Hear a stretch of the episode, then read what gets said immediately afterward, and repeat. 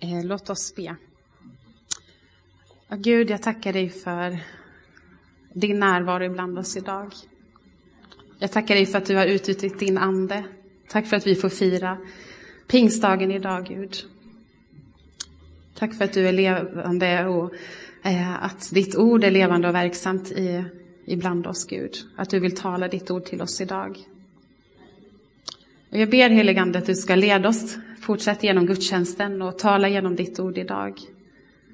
Och jag ber att, eh, att eh, ditt ord ska få vara till uppmuntran, till uppbyggelse och tröst för oss idag, Gud. Mm. Jag öppnar våra hjärtan och våra liv för att ta emot det du vill säga, Gud. Mm. Och led eh, mina ord, Herre, och låt det som är från dig stanna kvar och det som inte behöver sägas få, få falla bort, Gud. Det ber jag om. I Jesu namn. Amen. Det är pingstdagen idag, men jag kan redan nu säga att jag kommer inte hålla någon klassisk pingstpredikan, så jag hoppas att ni förlåter mig för det. Men det, vi går igenom Gamla Testamentet nu. Och eh, eh vi kommer hålla oss där i predikan. Jag hade med en pingstpredikan för två veckor sedan på församlingshelgen, så de som var med då fick, fick det då. Men, eh, men anden verkar också genom eh, att eh, göra Guds ord levande för oss, alla delar av Guds ord. Så därför tror jag att det är ändå i pingstens anda, det, det vi delar idag.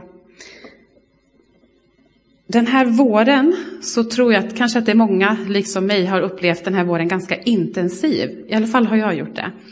Ehm, det har varit två år av ganska så lugnt tempo, eh, där det inte har varit så mycket i kalendern. Och sen nu så känns det lite som att det har exploderat av mycket eh, event, evenemang och födelsedagsfester och läger och aktiviteter och träningar och allt vad det nu är som man, som man åker på. Och här i kyrkan har vi också, det har vaknat till liv och det är mycket som händer. Och ibland så tror jag att det är okej att få känna att oj, det, det, är lite intensivt. Jag vet, jag känner det, jag var på kursdagar på Liljeholmen tre dagar och jag kände att oj, jag är inte van vid att ha så här fullspäckat och mycket intryck och lära mig och, och träffa människor. Ehm, och jag tror att när man har haft en längre tid av, av lite paus eh, och sen när man startar igång igen så är det också nyttigt för oss att stanna upp lite och fundera över vad, vad är det vi fyller våra, våra liv med. Eh, och det är också gott att reflektera kring frågor om, om livet. Vad, vad är det som ger oss mening i livet? Och en del av oss går snart in i semester och också där så kan det också vara ett tillfälle att, att reflektera kring livet och stanna upp och nu inför sommaren. Jag tänker att ibland så pratar vi om ekorrhjul eller hamsterhjul. Det här att bilden av att det är som att man springer i ett sånt här äh, hjul som snurrar. Man strävar och sliter men man är kvar på samma plats. Och ibland kan man ha den upplevelsen i livet. Och det kanske ser olika ut för oss i olika tider i livet hur det där äh, hjulet snurrar eller hur äh, vardagen rullar på. Om det är liksom äta, jobba, sova eller äta, jobba, sova, ta hand om barnen eller och det, man kan känna att att det är stressigt också i livet. För vissa av oss så kanske inte livet känns som ett stressigt hamsterhjul, utan kanske snarare att det känns som att det, det lunkar på. Men det går lite långsamt och trögt. Det kanske ibland känns som att det är lite att man går i lera. Eh, dagarna liknar varandra och man känner, men vad, vad är meningen i, i livet? Eh, och vi sliter och strävar, men vad, vad leder det till? Och jag tror för många av oss så, så jobbar vi och jobbar och sen så nu är det semester och man ser fram emot semestern. Och så bokar vi upp semestern och så blir vi helt utslitna efter semestern och sen får vi börja jobba för att ta igen oss efter semestern. Så, så kan det också bli. Eh, livet rullar på. Men vad, vad är meningen och vad, eh, vad är meningen i livet? Och vi människor, vi, är, vi hör ofta att vi är stressade. Eh, och man kan fundera, men vad är det som stressar oss? Vad är det vi jagar efter? Ehm, och idag så ska vi läsa från Predikaren. Ehm, och temat för, för gudstjänsten, för, predik, för predikan är just utifrån Predikaren om, om livspusslet och jagandet efter vind, som är en, en mening jagandet efter vind som upprepas i predikaren. För jag tror att ibland så kan vi uppleva det i livet, att det är som att vi jagar efter en vind. Ehm, vi håller på att gå igenom Gamla Testamentet. Vi sveper igenom det, inte alla delar, men vi stannar upp vid vissa nedslag. Och idag så har det kommit till de poetiska böckerna. Och vi valde predikaren, för jag tror att det finns ett, ett tilltal här för oss idag. Ehm. Och vi ska läsa från predikan som är en fantastisk bok. Och ibland när man kanske först vid första anblick så kan den kännas lite tung och lite deppig kanske. Men det finns väldigt mycket vishet för livet här som jag tror att vi kan ta till oss av idag. Eh, för mig när jag har läst den under den här veckan så har det verkligen varit Guds tilltal i mitt liv eh, ifrån de här orden. Eh, så jag hoppas att Gud också ska tala till dig, kanske i din livssituation där du är just nu, eller så kanske det är någonting som du får bära med dig för, för framtiden också. Jag vill uppmuntra er att, att läsa i Predikaren. Det, det är tolv kapitel, den är inte så lång, så man kan läsa igenom den när man sover, eller inte när man sover, men när man ligger där i, i hängmattan i sommar kanske. Men vi börjar att läsa i, i första kapitlet. Det kommer många bibelord, men de kommer med på skärmen så ni får hänga med. Eh, predikaren, ska jag bara se först, det, det, han börjar med att det är ord av predikaren, son till David, kung i Jerusalem. Ehm, och predikaren, det ordet är på hebreiska, kohelet, det betyder en som, en som samlar eh, människor för att lära. Ehm, och son till David, i traditionen så tänker man att det är eh, kung Salomo som har skrivit predikaren. Eller kanske någon annan som stod i hans tradition. Men vi börjar att läsa i kapitel 1, vers 2-4. Jag läser från folkbibeln. Förgängligt, förgängligt, säger predikaren. Förgängligt, förgängligt. Allt är förgängligt. Vad vinner människan med all sin möda där hon strävar under solen? Släkten kommer, släkten går, men jorden står evigt kvar. Det här är en, en mening som eh, upprepas genom hela boken, är det här med förgängligheten och att det är ett jagande efter vind som kommer senare också. Och det här ordet förgänglighet, jag tror det är lite svårt att översätta. Eh, det översätts lite olika i olika bibelöversättningar. Det hebreiska ordet är hevel.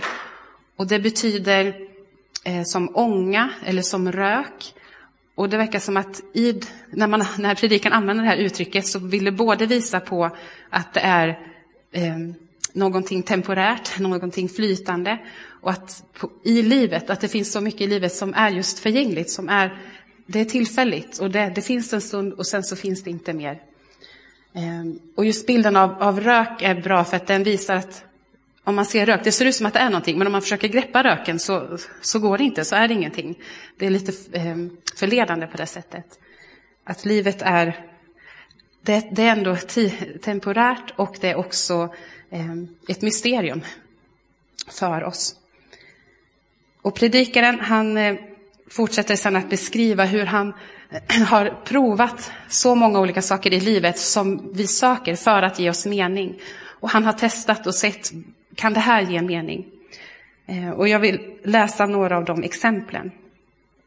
Eh, vi börjar i vers 17 i kapitel 1, där han beskriver hur han har sökt vishet. Ja, men kanske visheten kan ge mig mening i livet. Och det står så här. Men när jag inriktade mitt hjärta på att lära känna visheten och förstå dumhet och dårskap, då insåg jag att också detta var ett jagande efter vind. Stor vishet ger stor sorg, ökad kunskap ger ökad smärta. Så även visheten, som man tänker, det här är ju någonting som lyfts upp i, i, mycket i de här vishetslitteraturen, men även här, visheten i sig utanför Gud, så blir det också tomhet och jagande efter vind. Jag fortsätter läsa i kapitel 2, vers 1, när han istället ger sig an att söka njutning i livet. Kanske det kan ge mening för mitt liv. Så står det så här i 2 och 1. Jag sa i mitt hjärta, kom, jag låter dig pröva glädjen, njut av det goda. Men också det var förgängligt.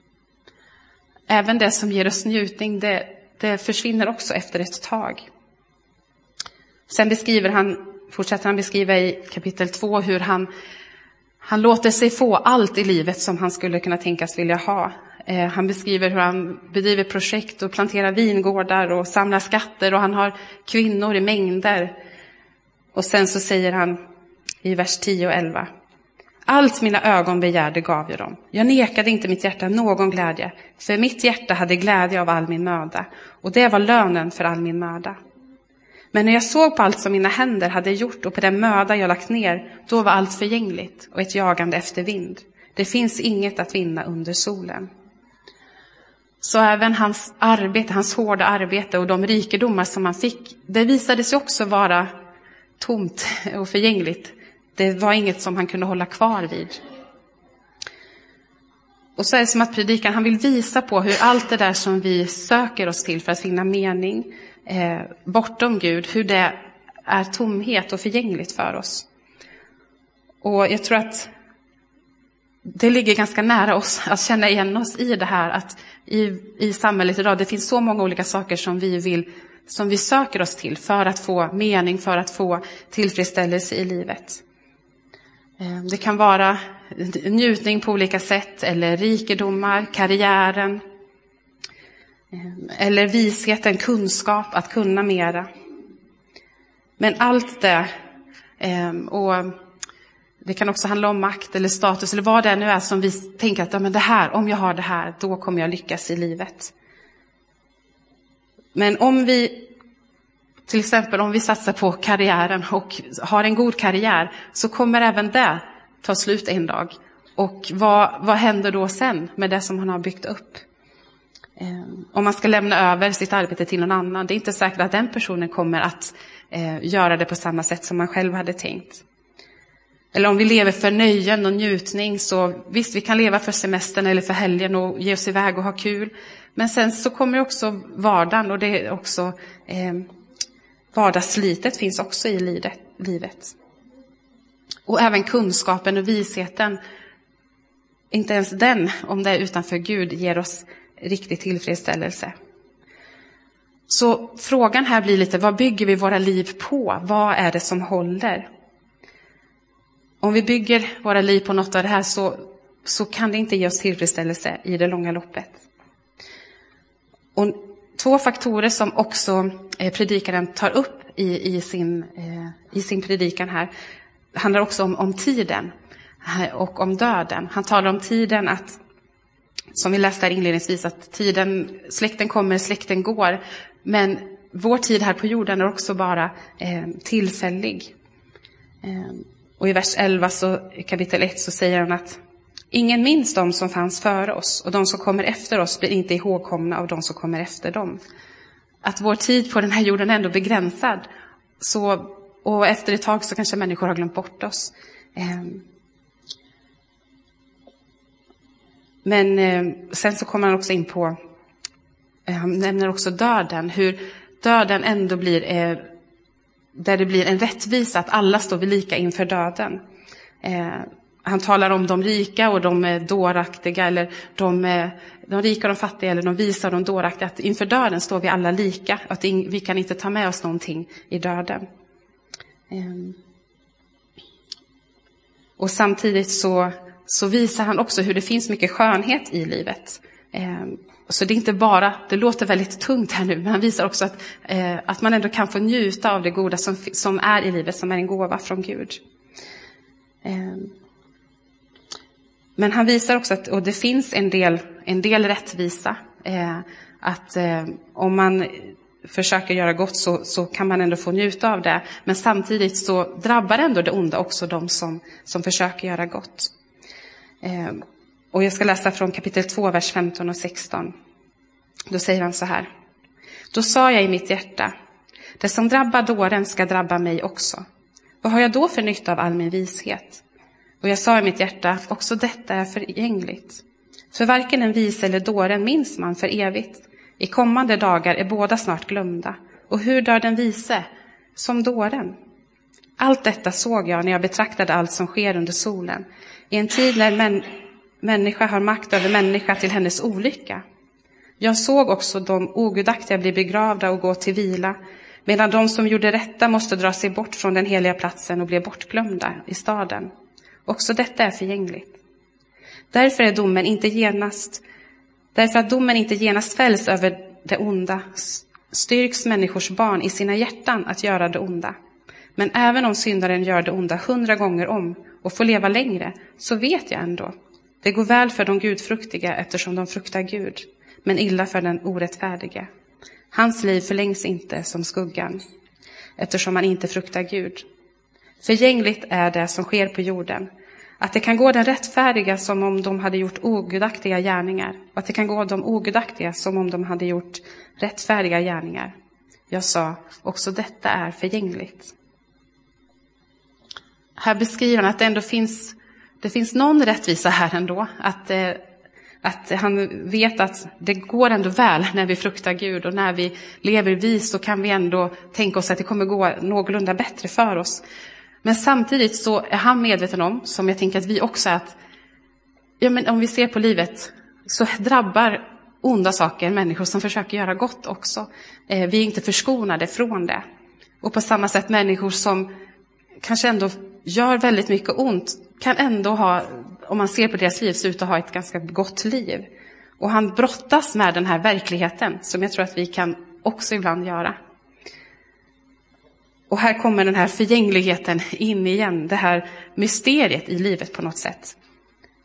Att det finns ingen garanti att om vi lever, eh, att visheten eller att eh, vi försöker leva gott, det ger ingen garanti för att livet kommer gå som vi vill. Eh, förmodligen så kommer vi, om vi gör goda val så kommer det gå oss bättre, men det är ingen garanti för att vi kommer klara oss undan olyckor eller kriser i livet.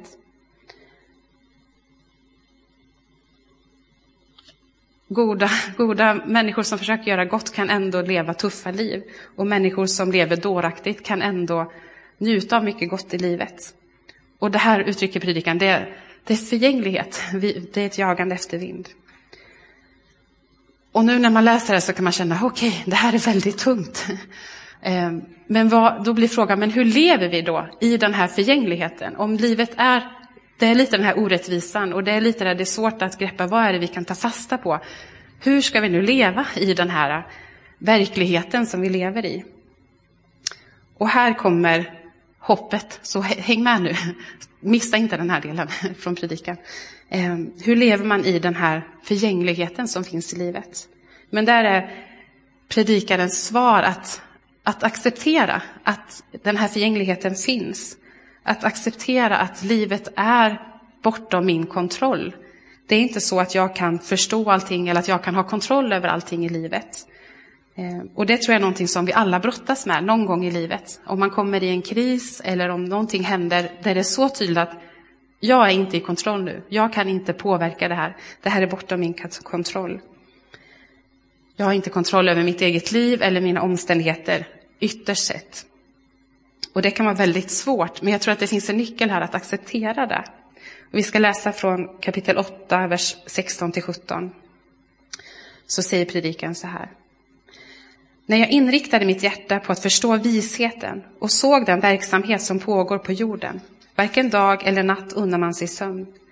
Då insåg jag att hela Guds verk är sådant att människan inte kan fatta det som sker under solen. För hur mycket människan än strävar och utforskar det förstår hon det ändå inte. Även om den vise säger sig förstå det kan han ändå inte fatta det. Att livet är ändå lite av ett mysterium. Och även om vi försöker förstå vi söker kunskap och vishet, vilket är gott, vilket vi ska göra, så kan vi inte helt och hållet förstå Guds vägar. Och det kan vara jobbigt, tror jag, för oss ibland att acceptera. Men jag tror att det finns någonting gott i att landa i det. Att jag kan inte greppa allting. Jag har inte kontroll över allt. Vi kan försöka förstå mera, men vi får ändå landa i att, att acceptera att det är inte jag som har kontroll. Men att vi kan lita att Gud, han håller allt i sin hand. Och där ligger vår trygghet. Inte i att vi har kontrollen, att vi förstår allt, att vi kan kontrollera allt, utan att Gud som är god, han har, håller sin hand om oss och om vår värld. Och där finns vår förtröstan, där kan vi vila i den bräcklighet och i den osäkerhet som finns i våra liv. Och predikaren ger också en annan, eh, som jag ser också en annan nyckel till att leva det här livet i, eh, i det här förgängliga och i i det som är svårt att greppa. Att se livet som en Guds gåva. att också, han, han upprepar många gånger att njuta av det goda i livet, för det är en gåva från Gud. Att njuta av, av, av mat, av, av gemenskap, av vänner och familj. Som inte är någonting som vi kan kontrollera eller garantera, men vi kan få njuta av det. Och livet är inte enkelt och ibland är det väldigt svårt. Men det är ändå en gåva från Gud.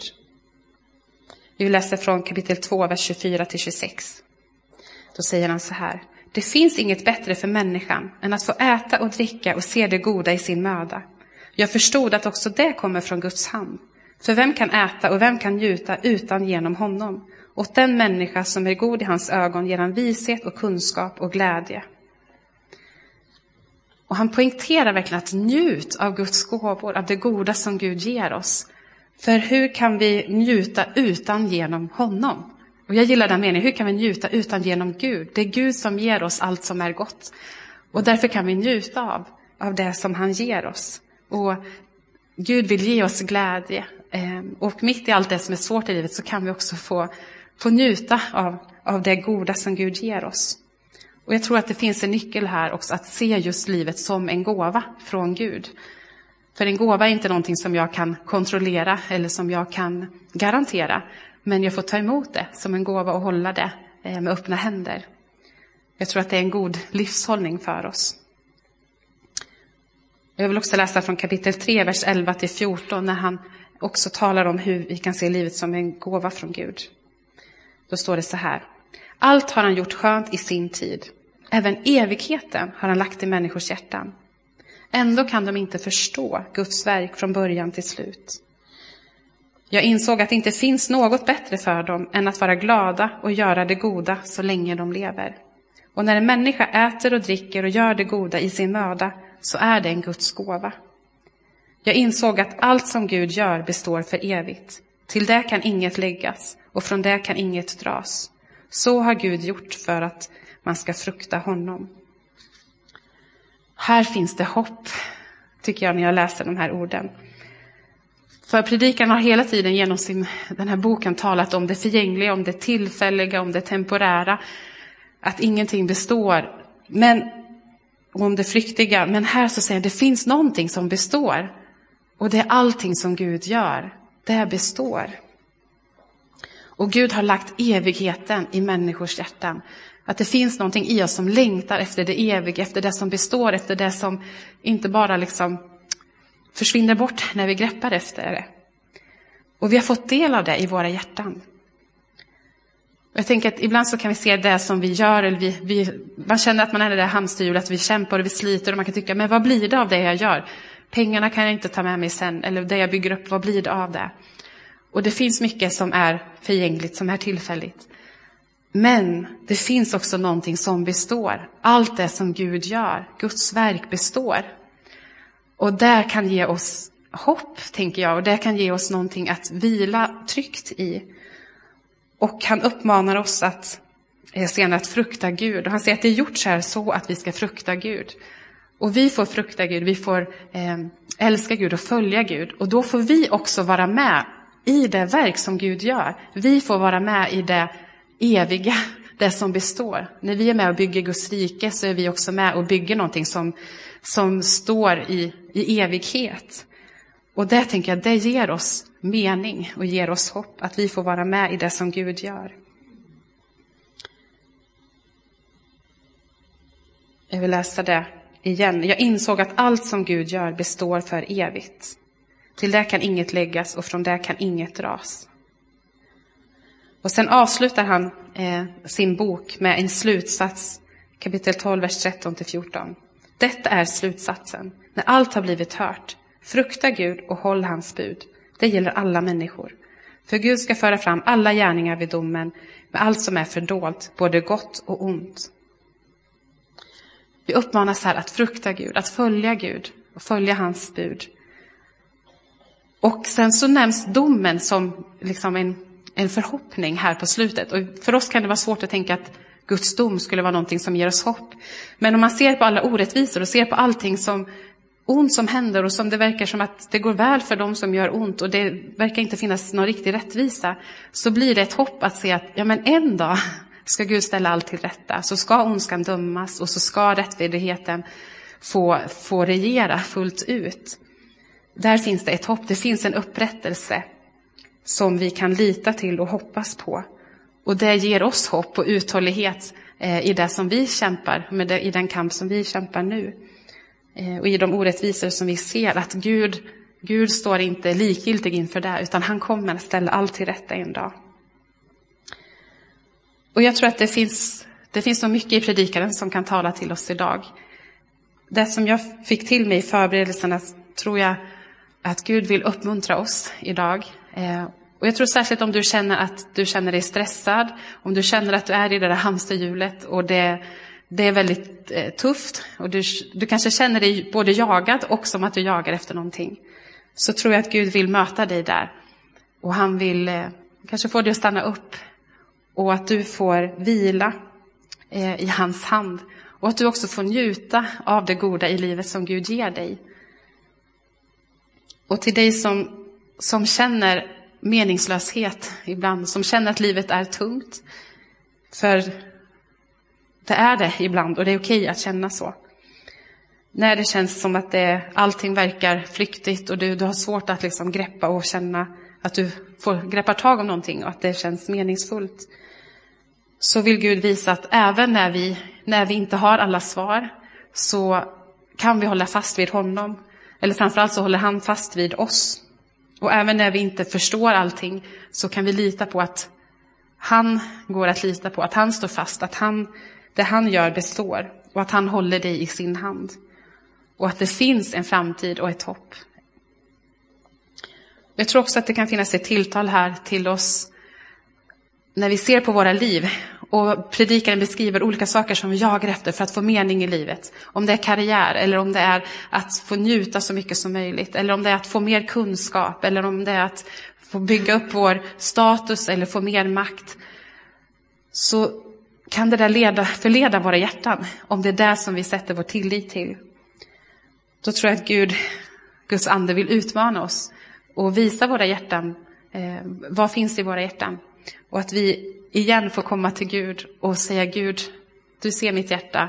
Jag dras åt det här hållet, men låt, jag ber att du ska rikta mitt hjärta till dig igen. Och där kan vi igen få, få lägga våra liv i Guds händer och säga Gud, det är hos dig som eh, min mening finns och som eh, min trygghet finns och det är, där, det är där jag vill ge mitt liv.